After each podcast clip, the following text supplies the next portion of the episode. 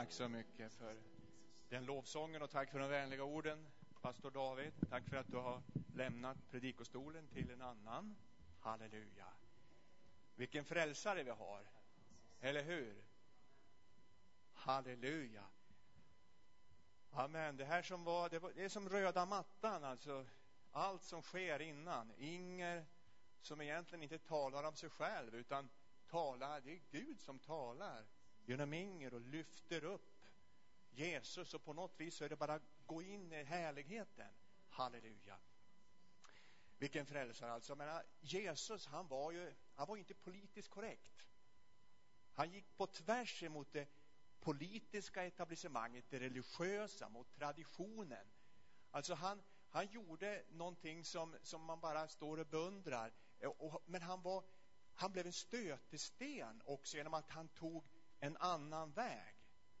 Och han sa så här att salig är den för vilken jag inte blir en stötesten.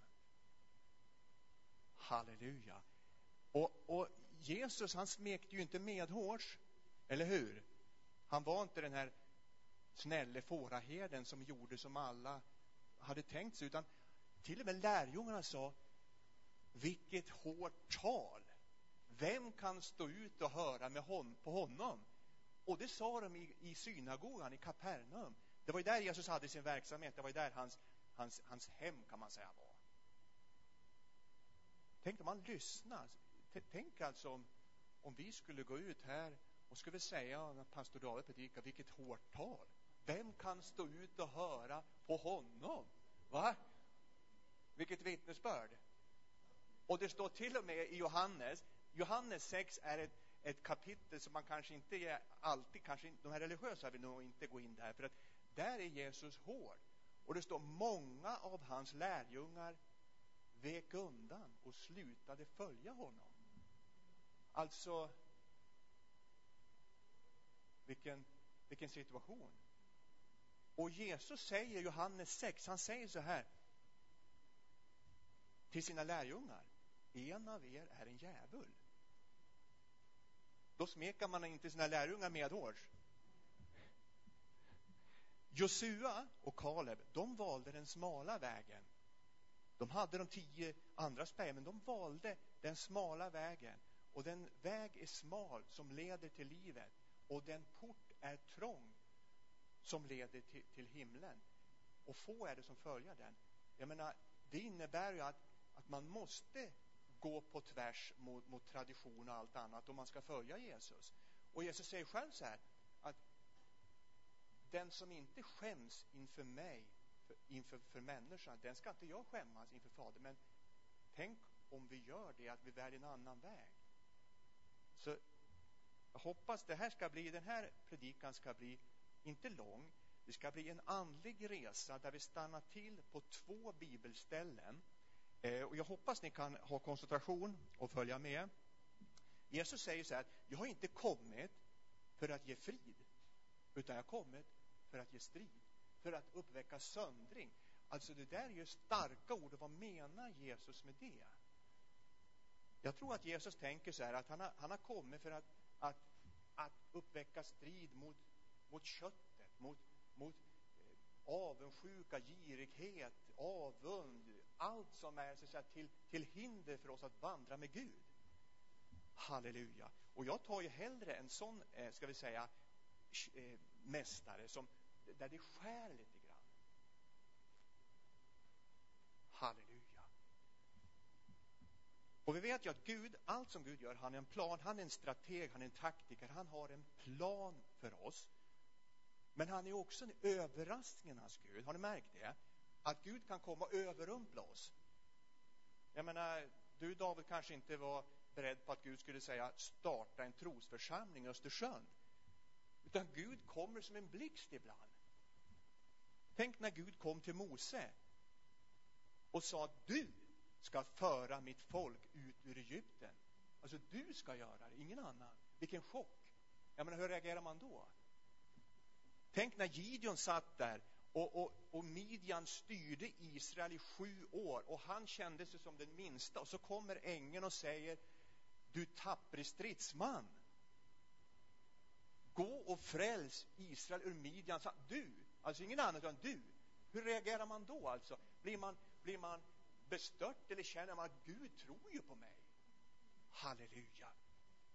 David, ung, blev kallad att slå Goliat.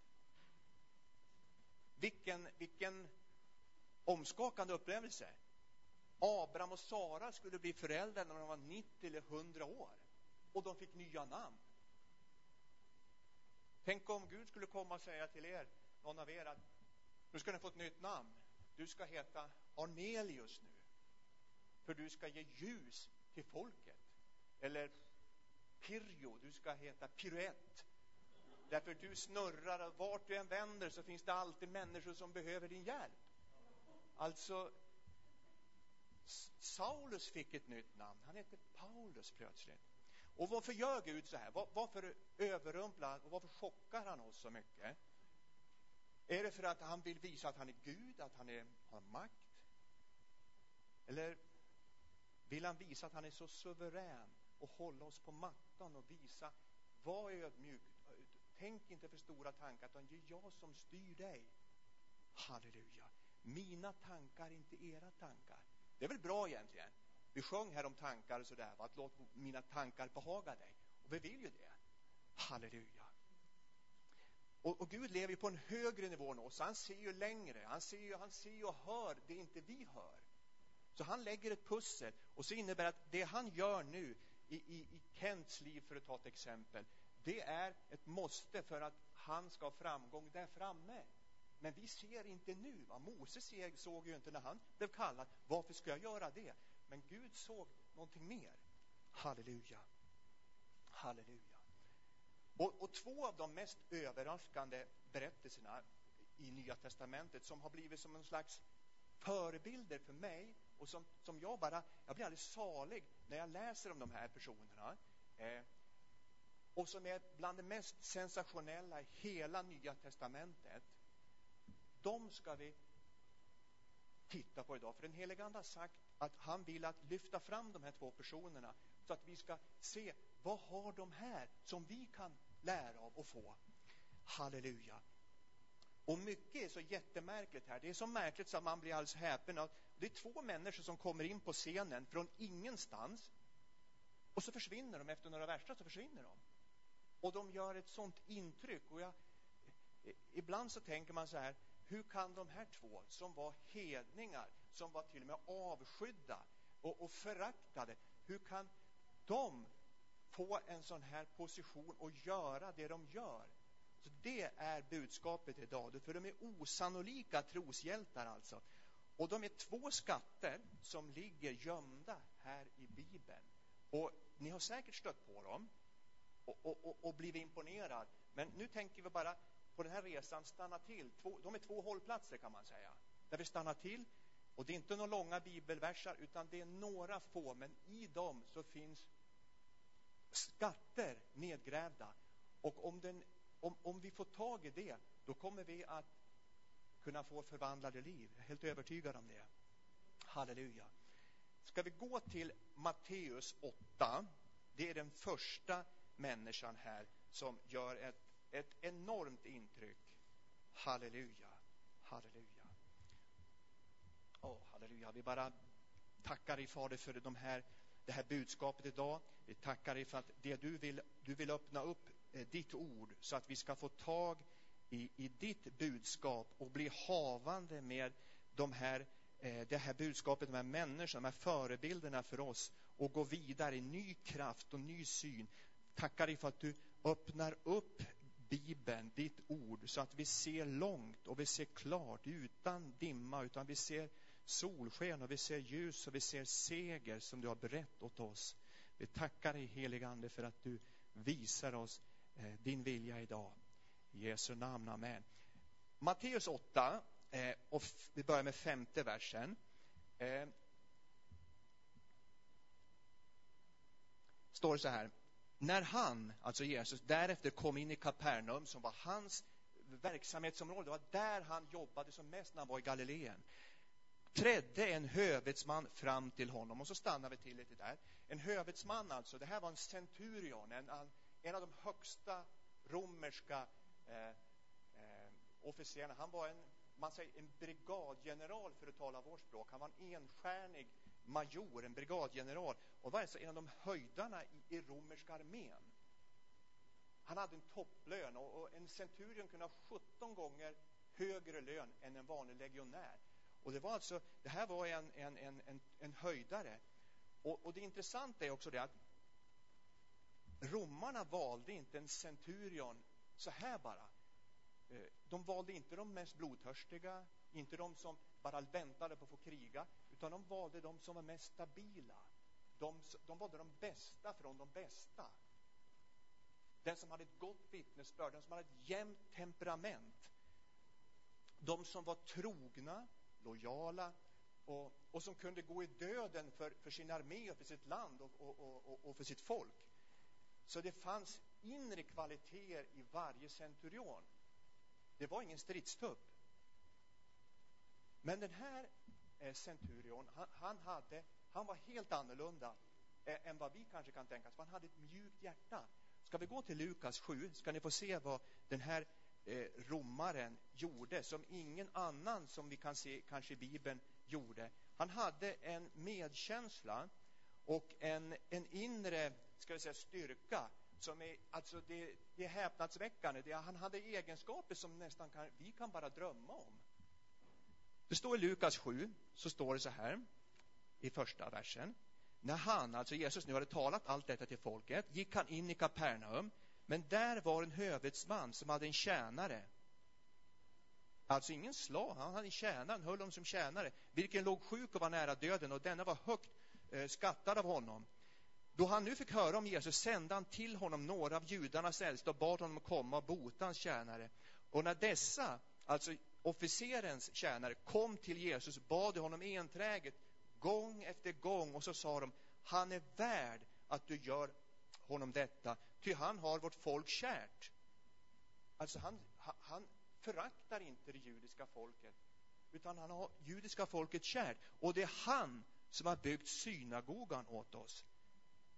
Vilket vittnesbörd! Alltså han var med och hjälpte judarna. Och redan där kan man se att det här är ingen vanlig romersk officer, utan det är en officer som verkar ha hjärtat på rätt ställe. Och, och då börjar man kanske börja lä lägga pussel nu, så börjar man inse att här kanske finns någonting att lära av. Han behandlade inte sin tjänare som en slav, det står att han hade honom kär. Och, och, och hans lidande rörde hans hjärta. Och så fortsätter vi läser i åttonde kapitlet i Matteus och så säger, står det så här. Hövetsmannen kom fram till honom, till Jesus, och bad honom och sa och det han börjar med att säga är ju Herre. Han, han alltså visar redan där att han är ödmjuk, han underordnar sig en judisk rabbi. Jag menar, hur många romare under, underordnar sig en jude på den tiden? Och han var så högt uppe, han alltså var en, en, en befälhavare, men han böjer sig ner, han ödmjukar sig, han visar honom vördnad och så säger han Herre, min eh, tjänare ligger där hemma lam och lider svårt och är han lam då är han ju väldigt illa däran. Och då sa Jesus till honom Ska jag då komma och bota honom? Och då säger hövetsmannen, centurion, och sa och säger återigen Herre, säger han. Återigen så betygar han att, att du är över mig. Herre, säger han, jag är icke värdig eh, att du går in under mitt tak. Alltså, det är ju helt otroligt. En romare då, som, som eh, egentligen ska suga ut judarna, som helt enkelt ska visa vem som bestämmer. Han ser sig själv som, som ovärdig, som hedning, att komma nära Jesus. Så han förstår på något vis eh, hierarkin i den andliga världen i Israel. Han förstår någonting. Och frågan är om den här romaren, han, han verkar ju i, i Kapernaum. Han hade sett Jesu under sig, han hade talat om honom, han hade observerat, lyssnat till vittnesbörd. Så han hade säkert haft en förståelse som hade byggts på att det här var ingen vanlig eh, profet. Halleluja.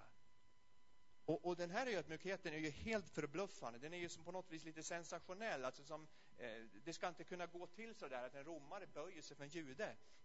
För högt rankade människor som har en status de är ju sällan ödmjuka, eller hur? De sätter sig på höga hästar och sådär va. Så är det väl lite grann. Eh, men de här människorna som känns med låg status, som kanske är obetydliga, de kan ju få för sig att de är som en kung. Det har vi varit med om många gånger. Men den här romaren, han, han är helt tvärtom. Och så tänker man på medborgarskapet. En romare var ju avskydd i Israel. Han fick ju säkert höra glåpord när han gick fram där. Trots allt. Och de var tränade, romarna var ju tränade att värdera sig själv högre, högre än alla andra. Att de var över på något vis. Alltså att det motsäger ju också det här. För att judarna var ju det erövrade folket, de förtryckta, de hånade. De var underklassen, de var mindervärdiga egentligen. Och den här, om man får säga majoren då, den romerska majoren, han krossar ju alla sådana tankar. Och hur reagerar folket runt honom när han, när han säger det här till Jesus? De måste ju, de måste ju också bli överraskade. Hur, hur vad säger han? Och, och, och, eh, han säger Herre till Jesus. Och då kan man undra, det här är ju, en, det här är ju egentligen en överraskning, eller hur? I Bibeln. Hur kan det här komma sig? Och det jag frågar mig är, vad har Gud gjort i den här romarens liv så att han har den här inställningen till, till Jesus? Han alltså ödmjukar sig och ger honom stor ära. Jag är inte värdig att du går in i min närvaro. Alltså, skulle vi säga det? Skulle vi säga, pastor David, jag är inte ens värdig att jag kommer nära dig. Du, du kom inte in i mitt hus, för jag är inte värdig. Va? Det är makalöst.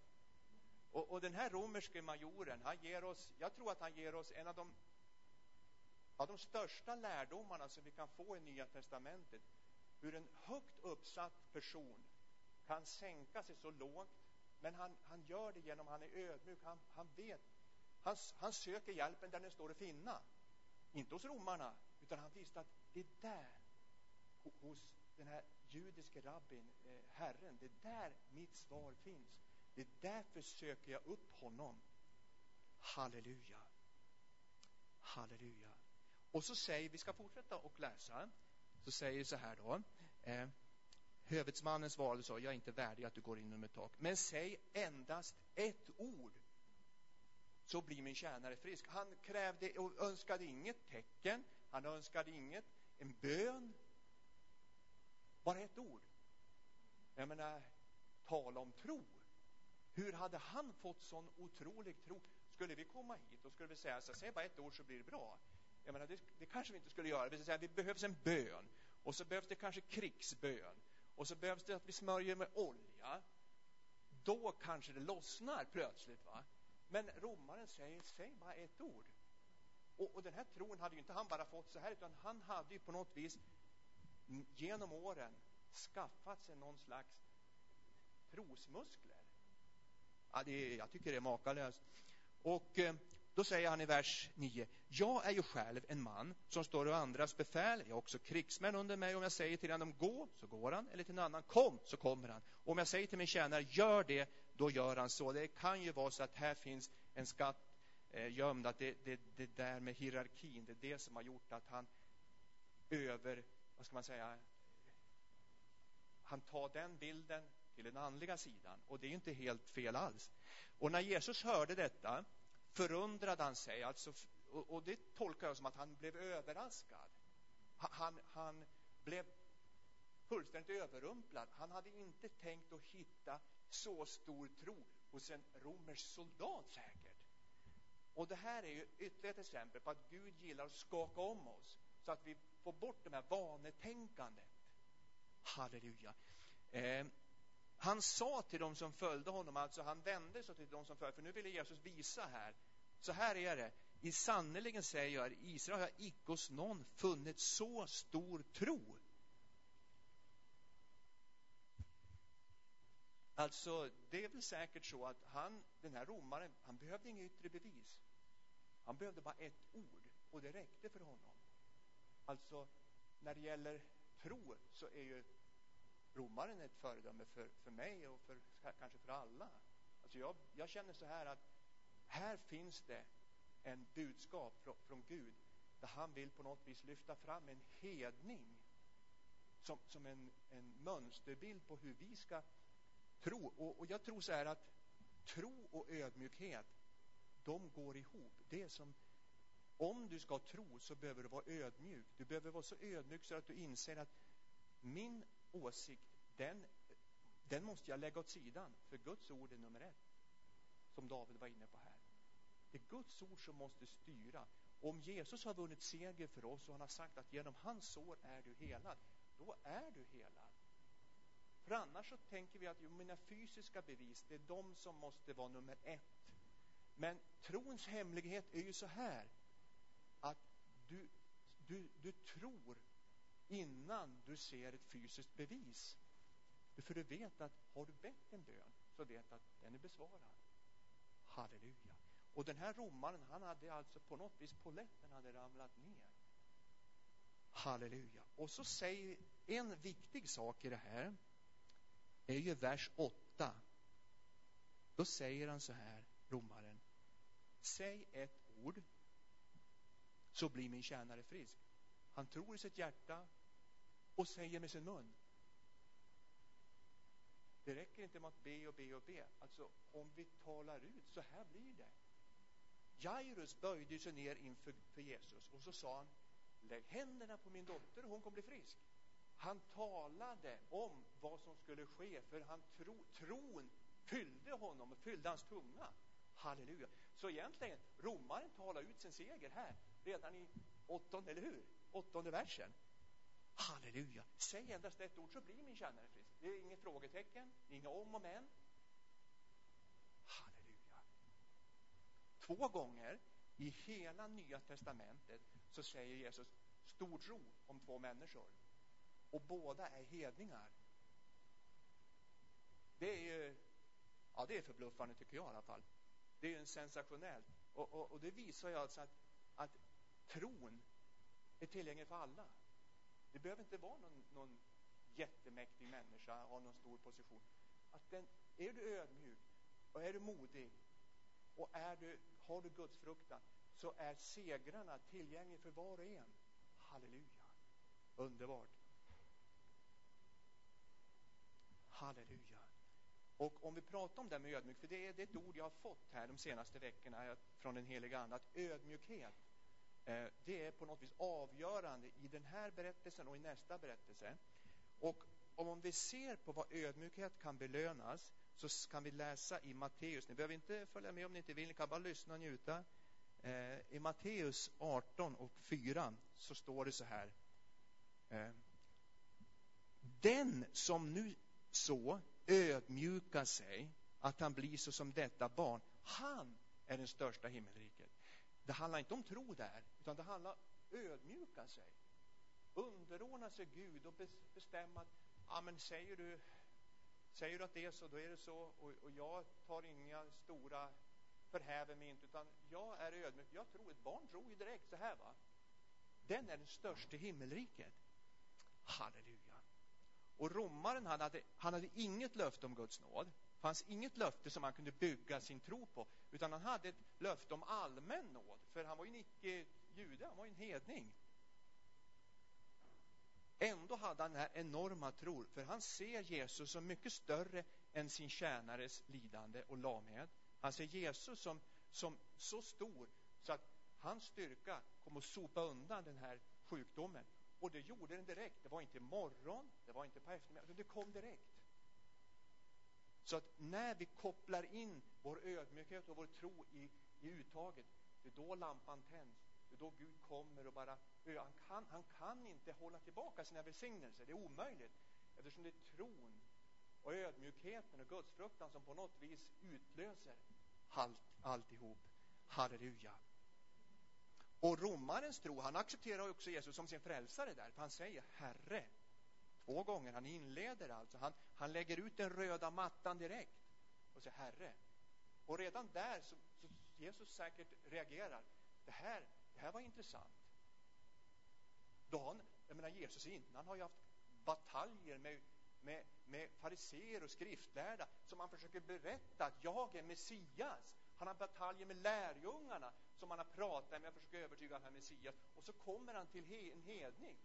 Och då behöver han inte ens vittna eller predika, utan hedningen säger direkt Herre. Fantastiskt, fantastiskt. Halleluja, halleluja. Och Jesus han, han vet ju då att, att, eh, att människor är så synligt orienterade så att de går efter det fysiska. Det gör ju vi också. Men den här romaren gör inte det. Han säger, säger bara ett ord. Det räcker för mig. Fantastiskt. Nu ska vi gå till den andra berättelsen. Eh, och det är på ett sätt är det nästan alltså din kvinna i Matteus 15 som är så långt borta från Gud men hon har någonting som, som vi, vi eh, ska vi säga vi, vi borde ha också. Eller vi, det handlar om att, att eh, arbeta på sin frälsning. Va? Eh, men hon har någonting som är sensationellt enastående. I Matteus 15, eh, hon är en råhedning, det är en kananitisk kvinna. Och det är en av de mest otroliga berättelserna i hela Bibeln. För det här är en undanskuffad kvinna som på något vis, eh, ja, judarna undvek henne. Därför att hon var otrogen, hon skulle fördrivas och hon visste om det här. Hon visste att hon var borta från Gud. Hon visste alltså utgångsläget, men hon hade en ödmjukhet, precis som romaren. Hon hade en, en förståelse och en, en, hon visste sin position. Hon, hon var inte märkvärdig, men hon visste att det lilla som Gud kan ge, det nöjer jag med. Hon var desperat. Vi kan läsa Matteus 15. Halleluja. Halleluja. Matteus 15 från vers 21. Och då har Jesus återigen haft en, en, en kamp mot de här skriftlärda och fariseerna. Därför att de vill ställa honom till svars, de vill på något vis nagla fast honom och, och anklaga honom. Och han blir säkert uttröttad över återigen att de judiska lärarna, de som borde ha fullsmockad med tro, att de är på Jesus och inte har förstått än och då står det att Jesus drar sig undan. Han kanske var som så han var så irriterad så, att han drar sig undan, står det då i vers 1. Och Jesus begav sig bort därifrån och drog sig undan till trakten av Tyrus och Sidon. Alltså det är ett kanan, kan, kananeiskt område. Han gick från där det borde finnas tro till ett område där kananer och judar var tillsammans. Och där kanske det var lite sämre bevänt med det med tron kanske, men det var inte så. Det fanns en överraskning till där som är grym. Och så står det så här. Då kom en kananeisk kvinna från det området, bodde alltså där då, och ropade och sa. Alltså hon var desperat och hon ropade med höga rop. Och, och det kan man ju tänka sig att då har man, då har man ett behov. Då sa hon Herre, hon börjar återigen med att betyga sin ödmjukhet inför Jesus som Herre. Davids son, alltså här är en messiansk förklaring. Hon talar om att du är Herre. Så hon inleder det här på helt rätt sätt. Ödmjuk. Förbarma dig över mig, min dotter plågas svårt av en ond ande. Hon kom med sitt budskap och sin begäran, sitt önskemål och så kommer ju då nästa här som vissa bibellärare har svårt kanske att tro. Man kanske inte riktigt har förstått varför. Jesus svarade henne icke ett enda ord. Kvinnan söker alltså hjälp på rätt ställe. Hon, hon har insett att, att det finns ingen annan som kan hjälpa mig, min dotter. Därför går hon direkt på Jesus. Och det är så vi ska göra. Vi ska gå direkt på Jesus. Om vi har ett behov, ta det till Gud. Klart vi kan lämna in ett böneämne, men då tar vi också till Gud. Att Gud får lösa det här. Vad det än gäller alltså. Och den som satsar på Jesus kommer aldrig att bli besviken. Det är omöjligt. Halleluja.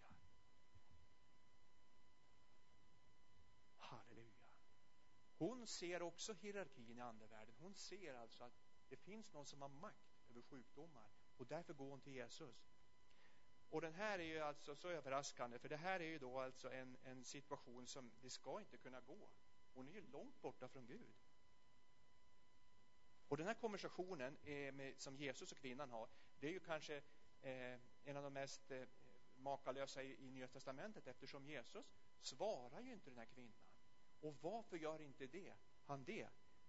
Halleluja, halleluja. Det finns massor av lära här. Därför det finns en kraftfull mekanism i konversation. Så, så kolla här vad som händer. Han svarade henne icke ett ord. Då trädde hans lärjungar fram och bad honom och sa, ge henne besked, hon förföljer oss med sitt ropande. Så det var inte bara en, en, en stilla önskan, det var en, en desperat människa som, som har ett hjärta för sin dotter, precis som romaren som hade ett hjärta för sin tjänare. Han medkänsla helt enkelt. Halleluja. Och då, då eh, svarade Jesus, då börjar han konversationen till slut. Och så säger han, jag är icke utsedd till andra, till de andra än till de förlorade fåren av Israels hus. Det här är ju Jesus precis som han är mot oss. Han sätter hinder framför oss och så, och så ser han, kommer de att hoppa över de hindren? Kommer de att använda den tro de har för att hoppa över de hindren? Tänk på den rike mannen. Han vägrar hoppa över det hindret. För för honom var pengarna viktigare. Han börjar också med att falla på knä och be till Jesus och fråga honom. Men han hade någonting som var viktigare, pengarna. Och nu utmanar Jesus den här kvinnan. Det är det han gör, för han ser säkert att om den här kvinnan ska få sitt svar så måste hon hoppa över de här hindren som jag ställer framför henne. Har hon den uthålligheten och tron för att klara av det? Så han testar hennes tro. Det här är ju typiskt Jesus. Och det tycker man ju kanske, ja men vad trist egentligen. Va? Varför ska det vara? Vi ska ju egentligen kunna få ganska snabbt. Va? Men, men i den här, ska vi säga, processen så händer ju någonting med kvinnan och med oss. Vi, vi ser att det lönar sig att tro och tålamod ska vi få vad utlovat är. Halleluja, halleluja. Tänk när den rike mannen kom och så sa han så här. Varför kallar du mig god? Vilket svar. Ingen är god förutom Gud i himlen. Alltså, Jesus var ju en överraskningens man. Halleluja. Och det här var Jesu arbetsmetod. Han vill locka fram tro. Han vill locka fram tro, testa människor och pressa fram det som ligger under ytan. För när han vet att när det här trosgenombrottet kommer för kvinnan, då får hon allt det hon behöver. Hon kommer till och med få en, en, en kunskap om att det är så här man ska komma inför Gud. Uthålligt. Halleluja. Ska vi fortsätta läsa lite grann så säger jag eh, Jesus då, han säger att jag är inte utsänd till dig, bara till Israel, till judarna. Och, och redan där så kan man ju tänka sig att om man är lite stött och sådär, då, då viker man bort, då vänder man placken och går där bort. Ja, tyvärr, det gick inte för mig. Jag, jag, jag försökte i alla fall, men jag fick inte det. Jag lämnade in ett bönämne och det har inte hänt någonting på två dagar. Ja, men då lämnar jag det här. Men den här kvinnan, hon hade en beslutsamhet som var fantastisk. Och då står det så här. Hon kom fram eh, när Jesus hade sagt och föll ner för honom. Och, och det betyder ju att hon, hon underordnar sig honom ännu mer. Hon ödmjukar sig under honom. Och så säger hon så här. Herre, hjälp mig. Hon säger Herre igen. Som återigen är ett bevis på att hon be, anser sig vara klart underlägsen Jesus, juden. Hjälp mig, säger hon. Och, och, jag tror att det här det rör Jesu hjärta ännu mer. För han ser, eh, hon är ödmjuk, hon har ett mjukt hjärta, hon behöver hjälp. Och hon ger sig inte. Då svarade han och så sa han så här, och, och då svarade han med ett, ett, inte det som kanske hon hade tänkt sig. Hon kanske hade tänkt sig att nu får jag det. Men det är fel eller otillbörligt, står det i 1917 års översättning. Jag hoppas att ni, ni firar 100-årsjubileet i 1917 års översättning. Är det någon som gör det? Hedrar 1917 års översättning? Jag gör det. Arne gör det. Det är två man, två män. Arnelius och jag som firar. Fantastisk översättning. Det här är krut i den här. Halleluja. Det är otillbörligt eller fel att ta brödet från barnen, alltså ta helande från judarna, därför det är de som är prioriterade just nu. Det är de som jag är sänd till. Och Eh, eh, eh, och kasta det åt hundarna. Ja, men är det någon som blir kallad hund? av predikanten, det är ju tillräckligt för att man ska sticka därifrån, va? Eller hur? Jag menar, skulle vi bli kallad hund så skulle vi tycka först och främst att det är skandal och man skulle aldrig komma tillbaka till din kyrka. Aldrig! Ja, men så där går ju gränsen. Eller hur? Alltså, man pratar om kärlek i församlingen och godhet och barmhärtighet och sådär. Men här blir alltså hon kallad en hund. Väldigt lågt. Och hon, hon blir inte irriterad. Hon blir inte förnärmad. Utan hon, hon är så inriktad på sin dotter så att hon bryr sig inte om det. Hon vet att hon är en hund. Och så fortsätter det då eh, i, i vers 27. Och, och, det kanske är bland det starkaste i hela den här berättelsen. Och, och det här är också en skatt som ligger nedgrävd här. Hon bryr sig inte om att bli ska vi säga, besviken. Så hon säger så här. Eh, ja, Herre. Hon säger Herre igen. Eh, det det hon tilltalar Jesus med. Herre, du är över mig. Du är över allt annat eftersom du har makt. Också äter ju hundarna endast av de smulor som faller från deras herres bord. Halleluja. Alltså den här kvinnan hade ju inget förbund med Gud, absolut ingenting. Det enda hon kunde hoppas var, precis som romare, en generell nåd att få någonting, inte mycket men lite grann.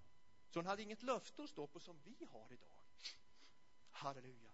Men Jesus visste att om den här kvinnan ska få, eller dottern ska få hjälp genom kvinnan, då är hennes uthållighet lösningen. Hennes tro och uthållighet. För att hon kunde gett upp första gången, andra gången, tredje gången, men hon gav inte upp. Hon var uthållig, så ge inte upp. Har ni inte fått ett helande eller vad det är, ge inte upp.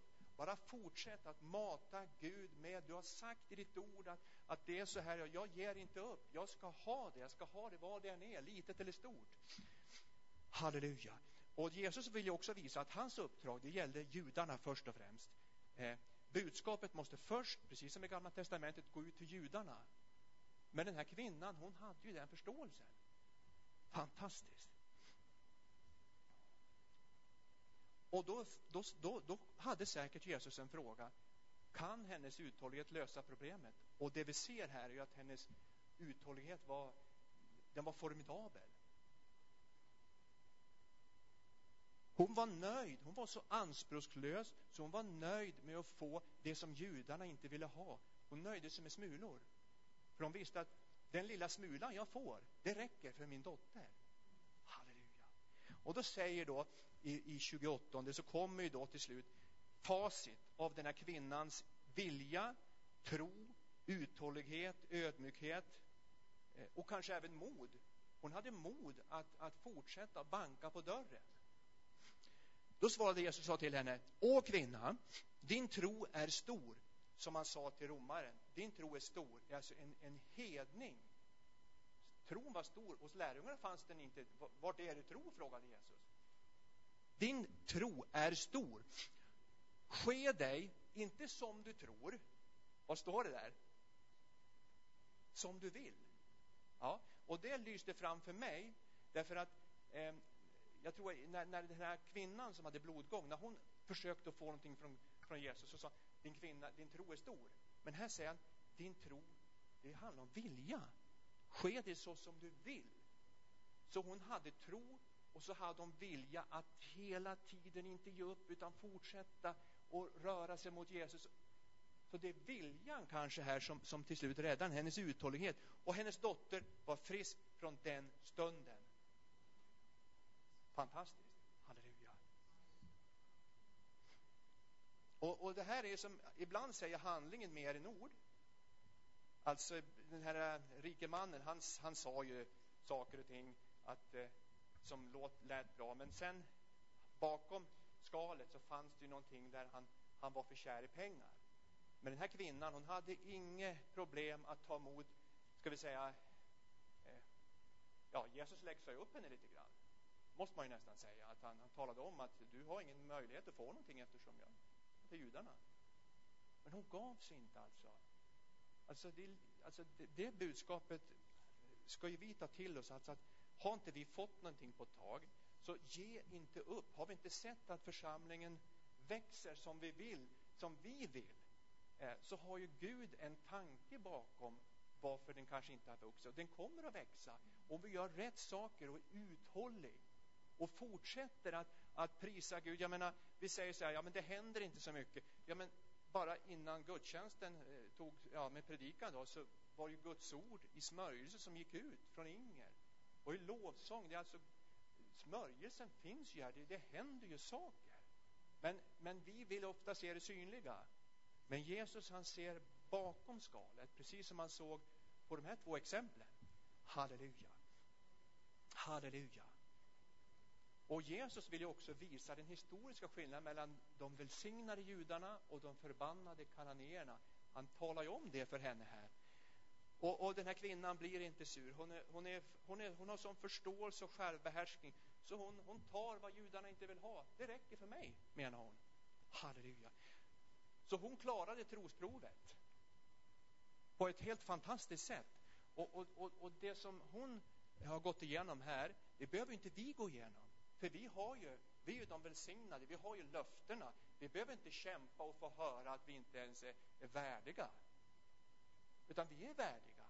Och det handlar ju bara om egentligen att vara så pass ödmjuk så du inser att det är det här ordet som får styra mitt liv. Om Gud säger att jag är välsignad, då ska jag börja säga att jag är välsignad. Jag är, att jag är en segrare. Att, att, och det kommer att komma.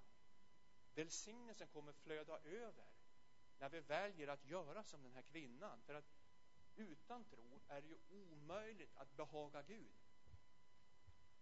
Det är där på något vis det är. Och tron har vi, så det är, på något vis är det ju inte där det felar, utan det kanske ibland är uthålligheten. Vi kanske, vi kanske tror ett tag och så när det inte händer så säger vi någonting som kanske går emot vad Gud vill.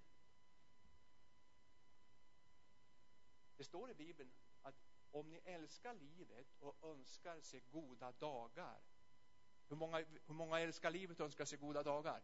Amen, det gör vi allihopa. Det står, han avhåller sin tunga från det som är ont och sina läppar från att tala svek.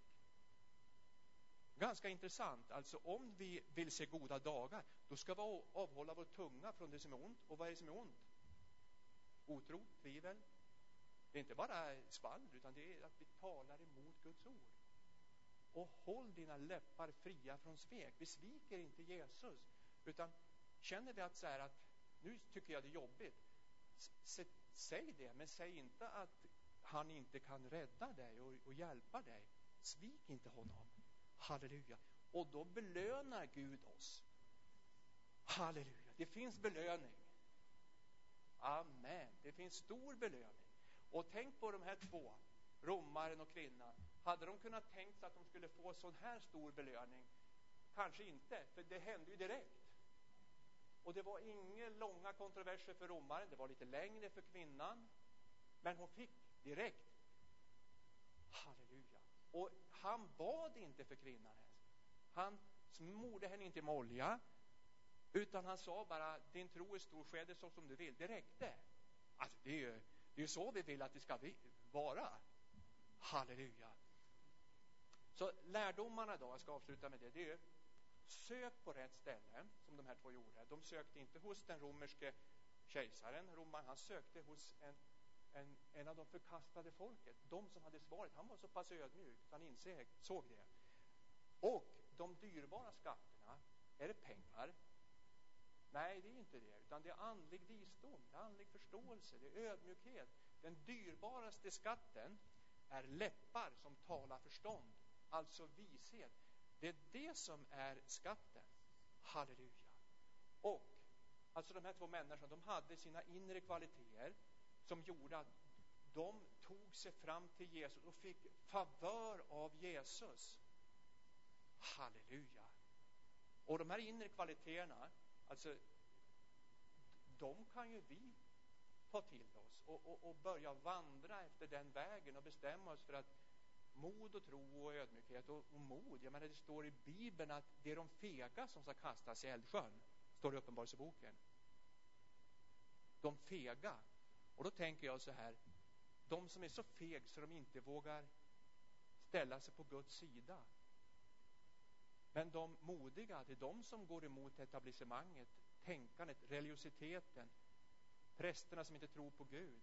De ställer sig vid Jesus sida och så säger det är du som har rätt Jesus. Om du säger det här, då ska inte jag skämmas för dig eller ditt ord.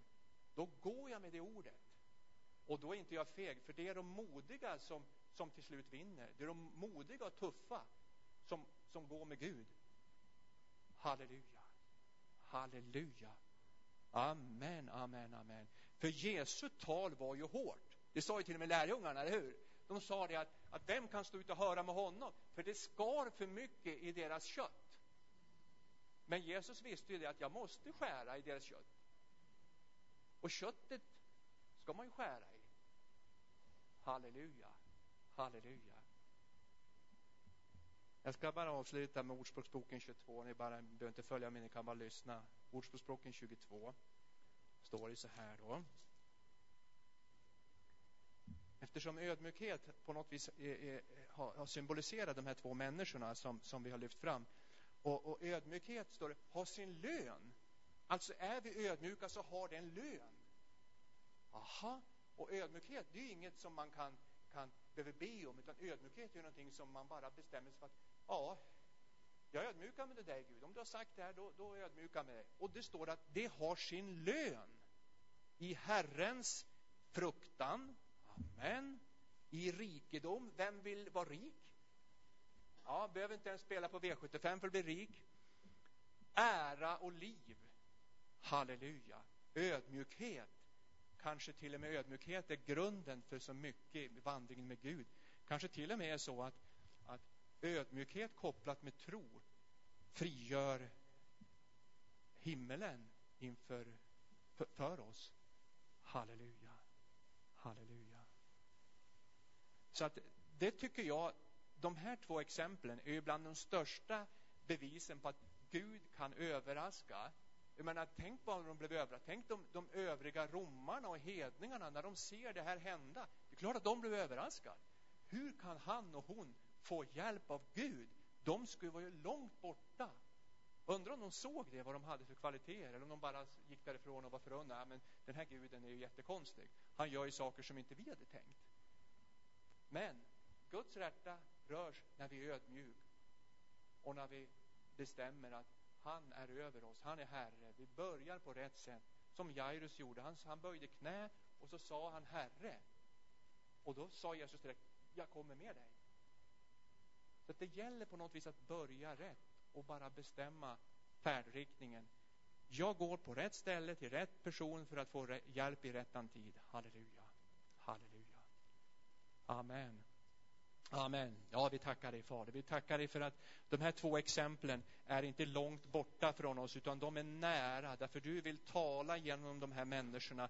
Den romerske officeren och den kananitiska kvinnan, de har du satt i ditt ord av ett skäl att lära oss att ingen är för mer. Alla har möjlighet till din nåd. Alla, den lägsta till den största, har lika stor chans och möjlighet att få del av ditt rike, av din välsignelse, Fader. Jag tackar dig Fader Gud, jag bara tackar dig för att du har öppnat upp ditt ord och det här budskapet och jag bara ber att du ska sätta en vakt över det här budskapet i våra själar och våra hjärtan så att vi bär med oss det och att det blir till välsignelse för oss Fader.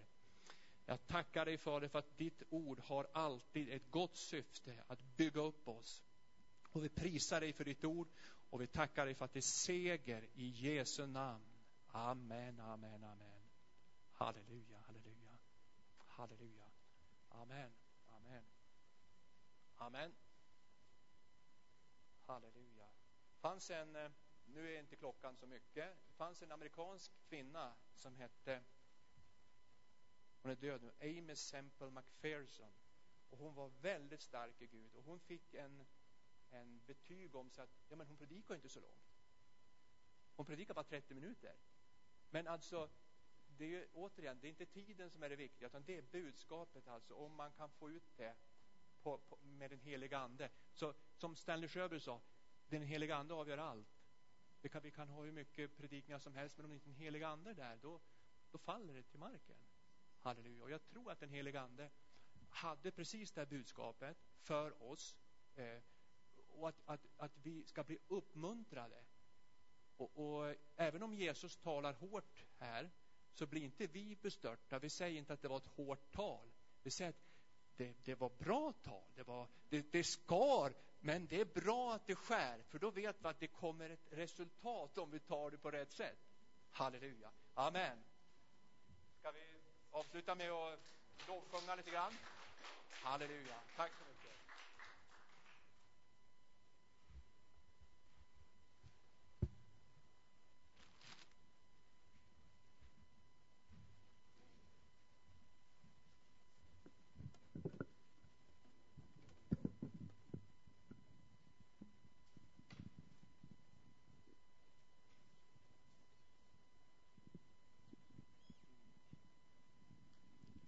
Varsågod och stå upp. Så ärar vi Herren. Tackar Herren för det här budskapet. Bara du